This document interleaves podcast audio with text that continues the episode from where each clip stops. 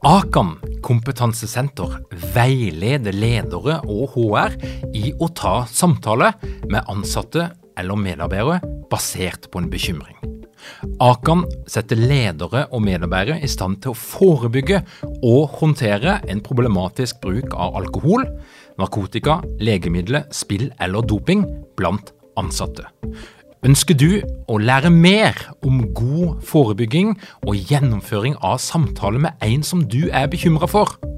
Da kan du nå få tilgang på Akan sitt digitale samtalekurs til spesialpris, kun 760 kroner.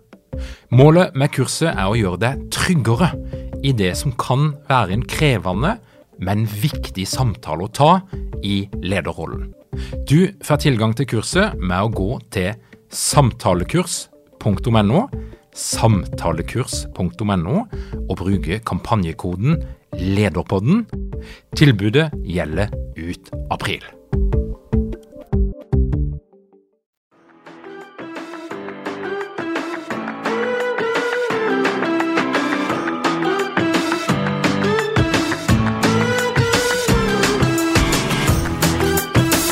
Velkommen til Lederpodden.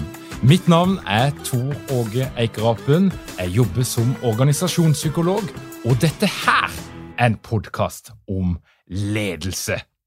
Ryktet forteller at sommeren er ei god tid for hodejegere for å ringe potensielle kandidater som de ønsker å påvirke til å gå fra én jobb til en annen. Ukevis med avstand til jobb det gjør òg at mange kommer tilbake etter ferien med et ønske om å finne på noe helt nytt. Men hva er det egentlig hodejegerne ser etter? Erik Åsmund Tveit ble kåra til Årets hodejeger på finn.no sitt arrangement The Hunt tidligere i vår. Han har 25 års erfaring med å finne de folkene som arbeidstagere ikke klarer å finne sjøl. Velkommen til Lederpodden, Erik Åsmund Tveit. Takk for det. takk for det. Hyggelig å være med. Erik, du jobba med å finne folk i snart 25 år. Og eh, Et spørsmål som jeg stiller mange gjester her på podkasten, det er jo hva er det egentlig som driver deg til å holde på med dette her? Det er det å evig kampen da, om å forstå uh, hva som får virksomheter til å fungere godt. Eh, hva er det som gjør at de lykkes, og eventuelt ikke lykkes? Og så er det det å finne, uh, finne ut av folk, da, disse kandidatene. Hva er det de har? Hva, de, hva slags kompetanse har de? Hva er motivasjon? Uh, og hvor kan de lykkes? Og så klare å koble dette her. Det er det evige kampen, da. og som aldri blir utlært på, men som jeg syns er veldig spennende. da. Og Det er jo nettopp dette store spørsmålet. det er jo Hvilke ledere er det som lykkes? Lykkes? Altså, Hva er det du ser etter hos de lederne som du tenker at ah, den der har noen kvaliteter som den andre personen ikke har? Mm. Ja, er, Vi kan dele egentlig to ting. da. Det ene er, det ene er på en måte de personlige egenskapene. Uh, evne, så er det ferdigheter. Og Når det gjelder personlige egenskaper, så er jeg opptatt av at folk skal, må ha en selvinnsikt. Det må ligge i bånn. Du må forstå hvem du er. da og, og forstå hvordan, uh, hva som er egne styrker, egne svakheter, hvordan du virker på andre, uh, så må du ha en ambisjon. Du må ønske å være leder. Ikke bare for å ha posisjonen, men du må ønske å utrette noe. Og det å ha motivasjon for rollen tenker jeg er viktig. Det er det for alle stillinger, tror jeg. Men ikke minst for ledere så må du tenke at jo, dette, dette har jeg lyst til. Da. Eh, fordi det er krevende.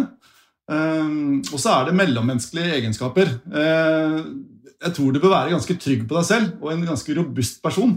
Du må, du må tåle at andre er annerledes, du må, du må, tåle motstand, tåle å bli litt upopulær. Eh, du utsettes for mye press. Og så er det det med relasjonsegenskaper og kommunikasjon. Altså Du må fungere sammen med andre på et nivå. Du trenger ikke være den hyggeligste, men du må være en hyggelig person. Du må fungere sammen med andre, du må få tillit, at folk stoler på deg. Eh, og evne til å få med deg folk. da, og, og, klare å prate med folk, og lytte kanskje også, da, som er vanskelig for noen av oss. Uh, og så er det det med, med, ferdigheter. Vi liker jo at uh, man er på et visst evnenivå. Altså Du trenger ikke være den smarteste, men du må ha et visst evnenivå for å klare å sette deg inn i problemstillinger. Så må du være strategisk og analytisk på et visst nivå. Eh, det er jo forskjell på hva stillingen krever, men en viss, viss eh, dose av det tror jeg er viktig. Så er det det med lederegenskaper. Og så er det jo ikke sånn at man er født leder nødvendigvis, men dette kan jo trenes. Eh, og du blir ikke bare leder fordi du har vært lengst et sted er faglig den mest flinke, men du kan trenes opp i å bli en god leder. Og da kan du enten ha hatt en flink leder som har lært deg opp, eller mange ledere, eller du har gått på programmer sånn som du driver med. Eh, men et eller annet sted så må du ha fått det fra. Eh, det, det tenker jeg er viktig. Så er det det med handlekraft. da. Man har jo, Poenget med å være leder er jo å skape resultater. Og da kan du godt prate om ting, men hvis ikke du klarer å få det til å skje i praksis, så skjer det jo ikke noe. Eh, og det kan være ganske frustrerende for organisasjonen og ganske farlig. da. Så vi liker at folk også får til det de sier. Og så er det selvfølgelig mm, det med faglige kunnskaper på temaet du skal jobbe med. Noen steder er det viktig å kunne mye, andre ganger er det ikke like viktig. Men jeg tror det er en sånn blanding av dette her, da. Og Den uh, siste der, det er jo en sånn debatt. for at det, På noen arbeidsplasser så er det sånn at hvis ikke du har jobba med det konkrete faget, altså hvis ikke du har vært rørlegger i 30 år, så mm. tenker de at da kan du ikke lede en rørleggervirksomhet. Og så er det noen andre som ville sagt at ja, det er ikke så viktig. Ledelse er et eh, fag i seg sjøl som er noe mer universelt. sånn at du, selv om du ikke har leda en rørleggerbedrift eller sjøl lagt rør, så kan du utmerket godt lede en rørleggervirksomhet. Hva tenker du? Eh, jeg tror ikke svaret er ja eller nei. Jeg tror i noen situasjoner så er det viktig å ha fagkompetansen. Særlig hvis ting har endret seg, eller, eller, det er veldig spesifikt, eller man ikke har en organisasjon rundt lederen som har tilstrekkelige fagkompetanser. Andre ganger så kan det å komme med helt andre erfaringspakken og andre kompetanser kan være vel så nyttig, og man ser med nye øyne. Og igjen, Særlig hvis ting endrer seg veldig. For bransjer, Noen bransjer ligger foran andre. og Det å ta folk fra en bransje som har kommet langt, i forhold til en som er litt mer konservativ, f.eks. rørleggerbransjen, kanskje, eh, så kan det være veldig nyttig. Men eh, det er ikke ett svar på det. Så, men ofte så overdriver man hvor viktig det er å være faglig flink, mens man skal heller ikke undervurdere det. Så begge deler kan være et overslag. da. Mm. Og Det er jo en lang liste her med egenskaper som du ser etter. Altså, Jeg hører at her var det minst ti ulike faktorer. ja. Og, og Hvordan finner du ut av dette her? Om din helt nødvendige eh, det som skal til? ja, det er det, da. Det er det som er det vanskelige. Eh, på en måte Rekruttering kan alle drive med. Eh, men det å ordentlig forstå hvem folk er, hva de kan, og hvordan de vil lykkes i akkurat den bedriften vi jobber med nå, det er en eh, evig kamp da, for å klare. Så, men verktøyene våre er jo på en måte strukturerte intervjuer, hvor vi, hvor vi ikke minst prøver å forstå godt hva de har jobbet med og gjort tidligere. Eh, og da er det sånn at En jobb kan ligne på en annen jobb, men det kan være helt forskjellige forutsetninger for å lykkes. Det har vært en krise, eller du har hatt personalproblemer, eller du har hatt folk rundt deg som har hjulpet deg med mye. Så det å forstå hva folk faktisk har gjort, og forstå hva de faktisk har lykkes med, og hva de faktisk har fått til av resultater, og hvem de har jobbet med. Eh, så Derfor er jeg veldig nøye på å gå gjennom CV-en, altså det folk har gjort tidligere, og forstå. da.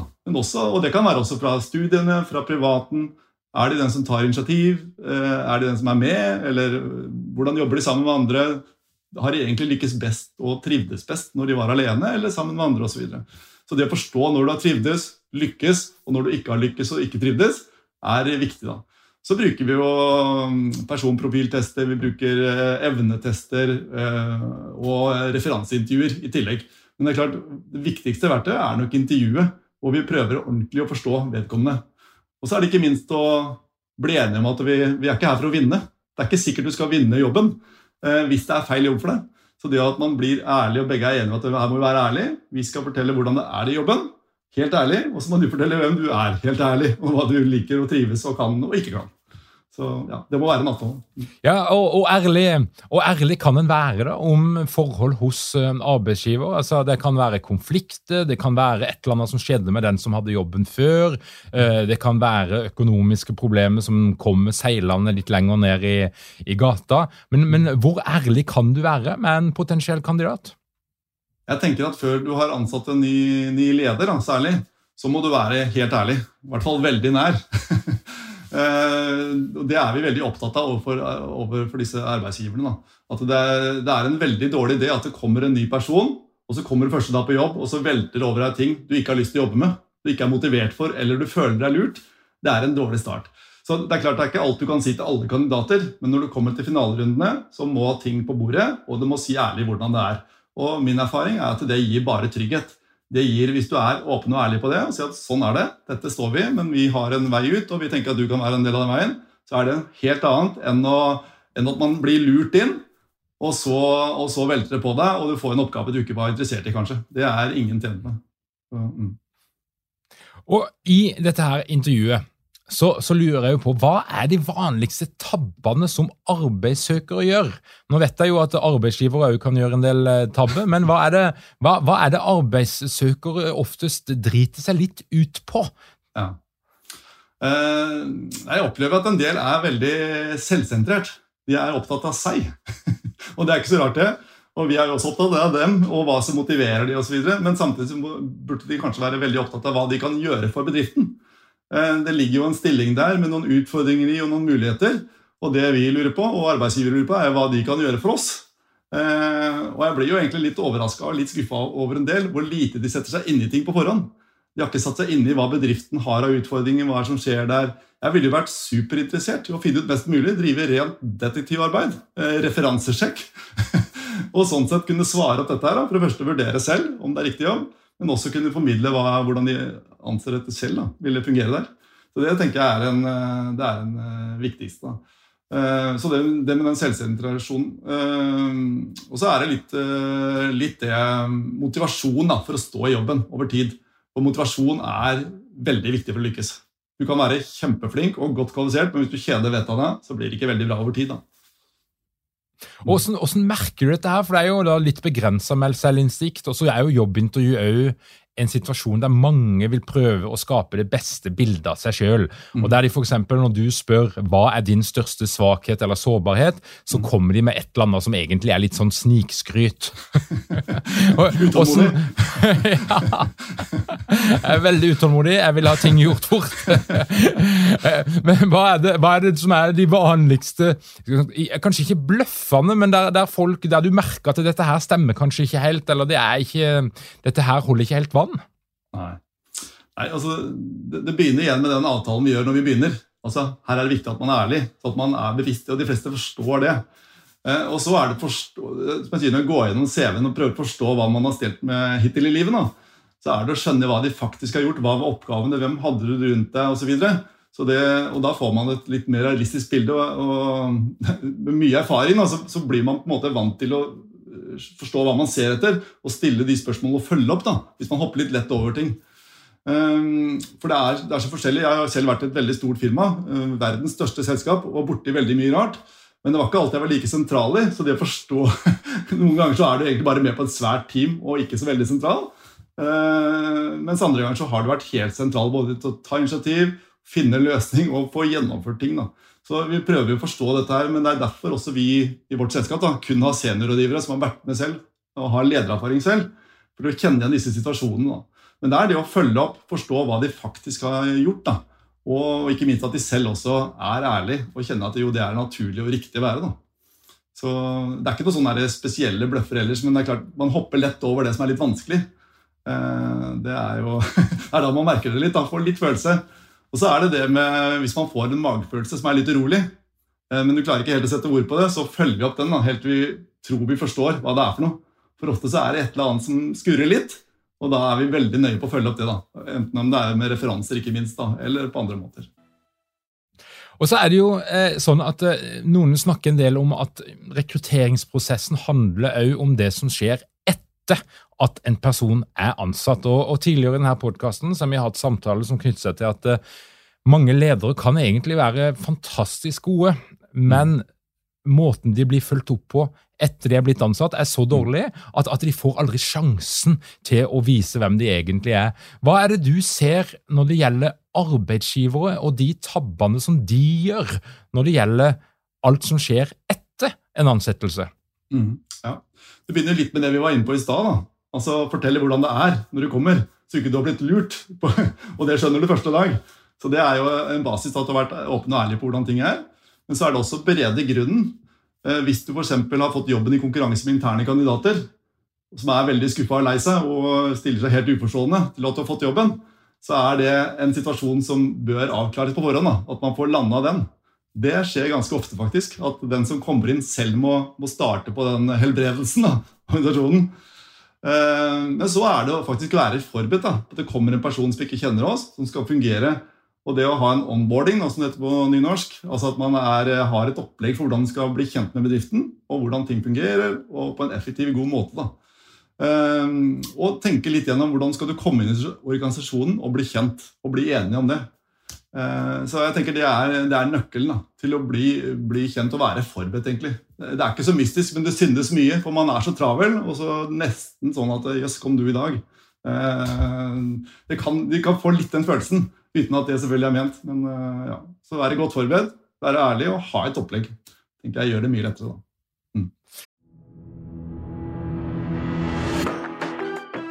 Har dere mange ledere uten trening eller utdannelse innen ledelse?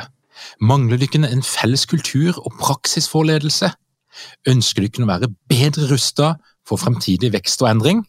Da kan et internt lederutviklingsprogram være en god investering. I Execu er vi eksperter på å designe og gjennomføre bedriftsinterne lederutviklingsprogram. Hvis du ønsker å lære mer om hvordan vi kan hjelpe dykken til å få enda bedre ledere, ta og klikk deg inn på execu.no.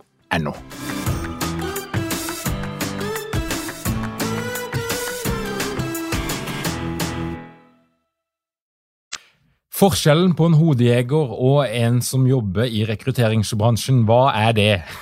Ja, jeg tror vel Kjernen av det er at uh, vi som kaller oss hodejegere Jeg er ikke så glad i ordet, men, uh, men det, det, er kanskje den aktive delen. Altså at vi er mye mer aktive på å finne kandidater. Uh, for det er faktisk sånn at det er ganske god tid nå. Tross pandemi så er det et stor kamp om flinke folk. så jeg tror mange opplever at det er vanskelig å finne kvalifiserte, gode kandidater. Både ledere og ellers. og man legger ut annonser, men får ikke respons fra kandidater som man ønsker. Så det å oppsøke kandidater er noe av det viktigste vi driver med. egentlig. Få et godt kandidatgrunnlag. Så Vi jobber med det nettverket hele tiden og søker opp miljøer og, og eh, personer som har de kompetansene vi ser etter. Så jeg tror Den aktive delen er største forskjellen. Og, og, Det er jo den andre sida av saken. for Ofte så snakkes og høres det ut som at det er eh, arbeidsgivers marked, men det er det jo slettes ikke i veldig mange bransjer. Tvert imot så er det altså en, en jakt på de flinke folkene, eh, og der det er vanskelig å, å vinne de. Men, men, hva er det som når du ringer rundt, og det har du sikkert gjort i sommerferien, òg, kjenner deg rent, så har du ringt rundt til litt sånn forskjellige kandidater som du får tips om, eller som er i nettverket ditt. Mm. Hva er det som kjennetegner en attraktiv arbeidsgiver i disse dager? Ja, eh, det er forskjellige ting, og vi er jo ikke like. Men generelt godt omdømme er veldig effektivt. Det å ha et brand da, som noen kjenner til, og som har et godt omdømme, eh, er gull verdt. Eh, og Man kaller det også employer branding. Altså at man, man har et brand og er anerkjent som en god arbeidsgiver er veldig viktig. og Noen selskaper har det, og det er mye mye lettere å rekruttere til de enn noen som er helt ukjente eller har fått et dårlig rykte. Eh, så det, og Starten på det er selvfølgelig at man har et bra selskap, har et godt arbeidsmiljø, fordi folk snakker sammen. Eh, vi lever i et lite land og små samfunn, så det betyr at eh, hvis du mishandler folk, i så blir det kjent. Så det er nummer én. Eh, men så er det også det med type samfunnsansvar, eh, miljø osv. Før så var det egentlig ord som alle sa, men ikke mente så mye. Men det har faktisk endret seg ganske mye, særlig på unge folk, men også etter hvert eldre. Eh, se f.eks. olje- og gassbransjen sliter veldig med det nå. At det er mange som ikke vil jobbe der. Eh, de har ikke lyst til å si til barna sine at de jobber med dette, her, for de, blir, de får litt pes av, de, av den yngre garde. Eh, jobber med dette her, det ødelegger klimaet vårt. Så, så, sånne ting betyr mye mer enn bare for tre-fire år siden. Eh, men så er det selvfølgelig at man har lyst til å være med et sted hvor det er godt arbeidsmiljø. Og da tenker jeg inkludert det med, med at man deler kunnskap, at man lærer noe. Og sånn sett utvikler seg. Det blir stadig viktigere, fordi man merker at ting går fortere. Så er det selvfølgelig, man har lyst til å være med på et lag som, som vil noe. Har ambisjoner, skal noe. Eh, jeg tror vi blir litt lei av å drive med det samme år etter år og ikke komme videre. Så det å være med på at man har et mål der oppe, det er motiverende for veldig mange. nå. Du jobber en del med offentlig ansettelse. Blant annet så er du eh, ofte å se på annonser der en eh, annonserer etter nye rådmenn, som det tidligere heter. Nå kalles det eh, kommunaldirektør, som oftest. Mm. Og der har du jo en problemstilling med dette her med offentlig søkerliste. Mm. I hvilken grad er det en stopper? Altså, eh, Hvis du sitter i en god jobb i dag og du eh, lurer litt på en eh, kommunaldirektørstilling, men så vet du det, at navnet ditt kommer i avisen uansett om du får jobben eller ikke. Noe som kan få negative konsekvenser for den jobben du er i i dag. Og, og Hvordan håndtere en sånn type problemstillinger? Ja, Dette er et stort og vanskelig tema, må jeg si. Det er ikke en regel jeg er veldig glad i selv, og jeg tror ikke man er så veldig tjent med det. Men jeg forstår jo intensjonen bak. Det er å ha åpne og ordentlige prosesser. Og det er vi selvfølgelig alltid opptatt av. Men, eh, men, det gjør jo at eh, man blir helt avhengig av, eh, av selskaper som Skagerrak Consulting til å finne kandidater. Fordi man tør ikke søke, som du sier. Eh, og, eh, men man kan like gjerne komme i, komme i kontakt med og vurdere stillingen uten, eller før man søker. Eh, for Der har vi en viktig jobb med å selge inn at dette er en spennende jobb. Og så er det mange som trenger en bekreftelse på at det er relevant eller ikke. Eh, så Vi driver jo ingen intervjuer før en søknadsfrist går ut. Men det å, å, få kandidater interessert i stillinger, og at de faktisk blir bevisst hvor spennende det kan være da, for dem, sånn som vi kjenner dem, det er en viktig rolle. Så, men dette er tricky, og som sagt, vi har ikke lov til å intervjue noen før, eh, før søknadsfristen går ut.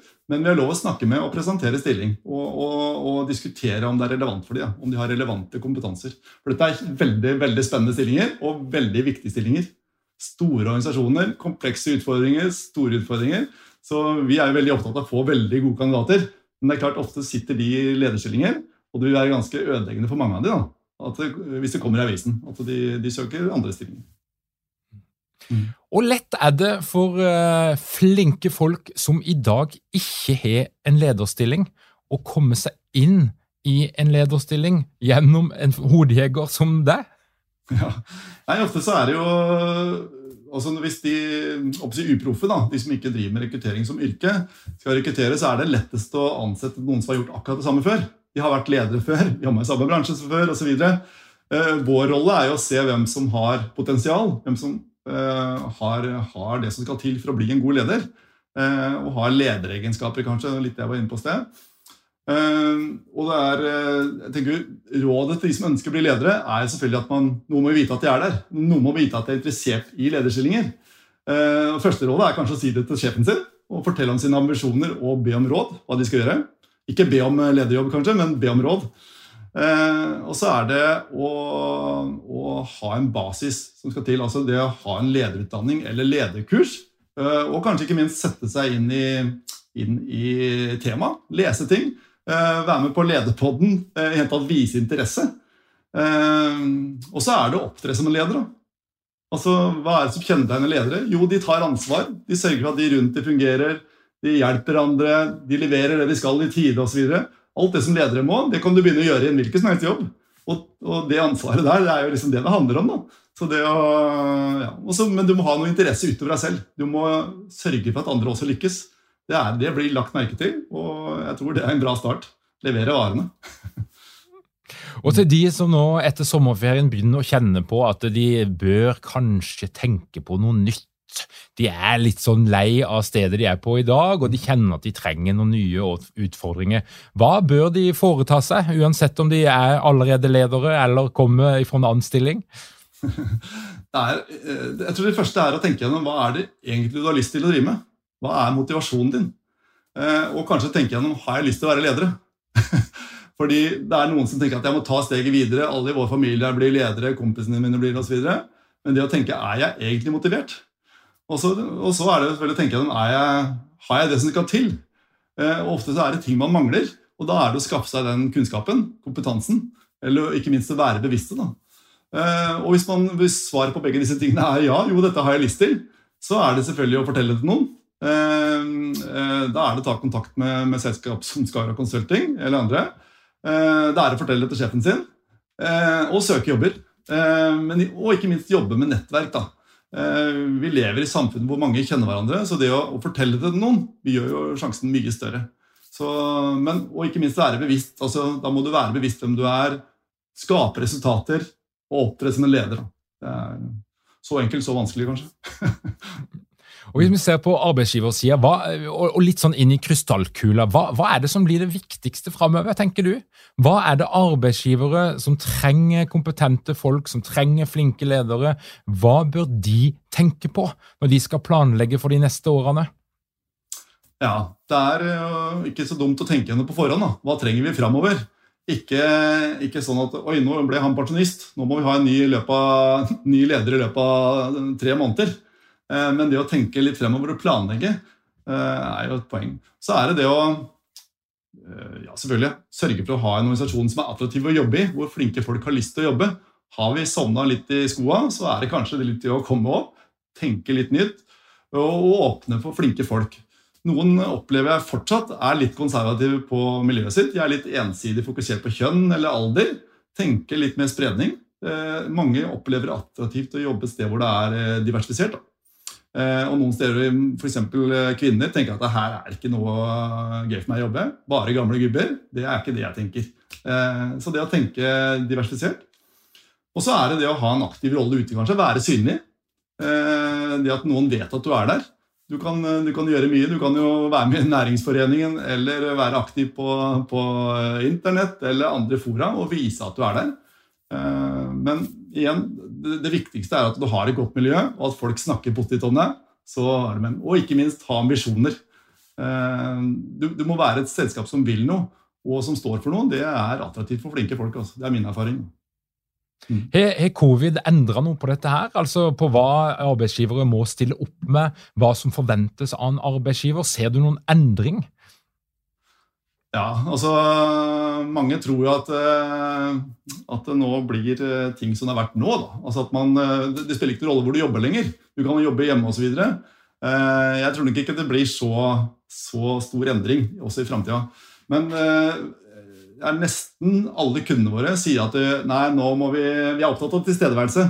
At du må være til stede i organisasjonen for å ha et miljø. Men samtidig tror jeg ganske sikkert at du må kunne tilby mer fleksibilitet. da at uh, mange tenker at uh, type 50-50 eller et eller annet i nærheten her må du faktisk kunne tilby. Og Det betyr at uh, man også får et større rekrutteringsområde å hente folk fra. Altså fordi det er mange som kan tenke seg å være i reise til Kristiansand fra, fra, et eller annet sted to dager i uka, men ikke fem. Det funker ikke. og kanskje gjør det ingenting. Og kanskje er det noe reising i jobben uansett. Så, så jeg tror fleksibilitet på arbeidsform og arbeidssted er kommet for å bli. Eh, ikke så ekstremt som nå, men et eller annet eh, hybrid eh, mellom her. Ja. Du har lang erfaring, Erik, og, og, mange snakker om at det er noen store forskjeller på de ulike generasjonene. Det er generasjon X, det er generasjon Y, og nå kreves det noe helt annet av arbeidsgivere enn det de gjorde før. Hva er, er din eh, konklusjon? Hva er det som er den største endringa de siste 20-25 årene? Ja, jeg tror Det er jo fort at man overdriver at det er endring. Det har alltid vært endring. Jeg tror kanskje forskjellen er at det går litt fortere enn før. Og de som ikke eh, snur seg raskere, da, de, de får større problemer enn før. Men temaet er ikke nytt, men det, det er hurtigheten, kanskje. Eh, jeg tror det, å, at det krever litt mer strategisk tenkning nå, og ikke minst teknologiskifter, gjør at man må være raskere på. Eh, det tror jeg er største endringen. Og kanskje også at man i større grad nå har kompetanseorganisasjoner enn tidligere. Eh, før så var det færre organisasjoner som var veldig prega av at det var veldig høyt utdanna, og det var eh, hoveddelen av arbeidsstyrken. Eh, nå er det en veldig stor andel av bedriftene som har typiske kompetansearbeidsplasser. Og det er organisasjoner og folk som forventer å bli ledet på en annen måte. De, tenker, de ønsker seg ikke en arbeidsformann som forteller at nå skal du gå dit, og så skal du gå dit etterpå. De ønsker å si at dette er målet. Hvordan tenker du at vi skal komme dit? Skal vi sammen finne veien? Du tar ansvar for dit. Mye mer der, da. Eh, så det, det tror jeg er en veldig stor endring altså, for mange. Eh, og her har det vært store endringer, og jeg opplever at en del organisasjoner, f.eks. kanskje en del eh, offentlige organisasjoner, har kommet mye raskere dit nå og ligner mer på private bedrifter med større dynamikk, større resultatfokus, endringstakt osv. Mm. Hva er ditt viktigste råd til arbeidsgivere som ønsker å få de aller flinkeste folkene til seg, hvis du skal prøve å koke det ned til noen ting som eh, folk kan sette i gang med ganske kjapt? ja, Jeg tror det er å ha en veldig tydelig ambisjon. Altså, Du vil et eller annet. Vi skal få til noe, noe gøy, noe stort, noe bra, noe viktig for noen, noe samfunnsgagnlig. Eh, og så ha flinke folk som har lyst til å komme dit og vil bli på, med på et lag da, som vil gjøre et eller annet. Det tror jeg er kanskje kjernen av det. Så, ja. Erik, tusen hjertelig takk for at du kom til Lederpodden. Takk det samme. Veldig hyggelig å være med. Til deg som hører på, du vet at du finner alt du trenger å vite om Lederpodden på lederpodden.no. Der kan du melde deg på vårt nyhetsbrev. Det kommer hver eneste fredag, og du får òg varsling når vi finner på ulike sprell. Jeg kan òg fortelle at nå er ferien på hell, og hvis du ønsker å være med på høstens utgave av Lederprogrammet, så er det fremdeles noen ledige plasser som venter på deg, og du kan gå inn på lederprogrammet.no. Der finner du alt du trenger å vite, og du kan melde deg på i dag. Da er det bare å si tusen takk for at du hører på Lederpodden. Vi høres om ei uke.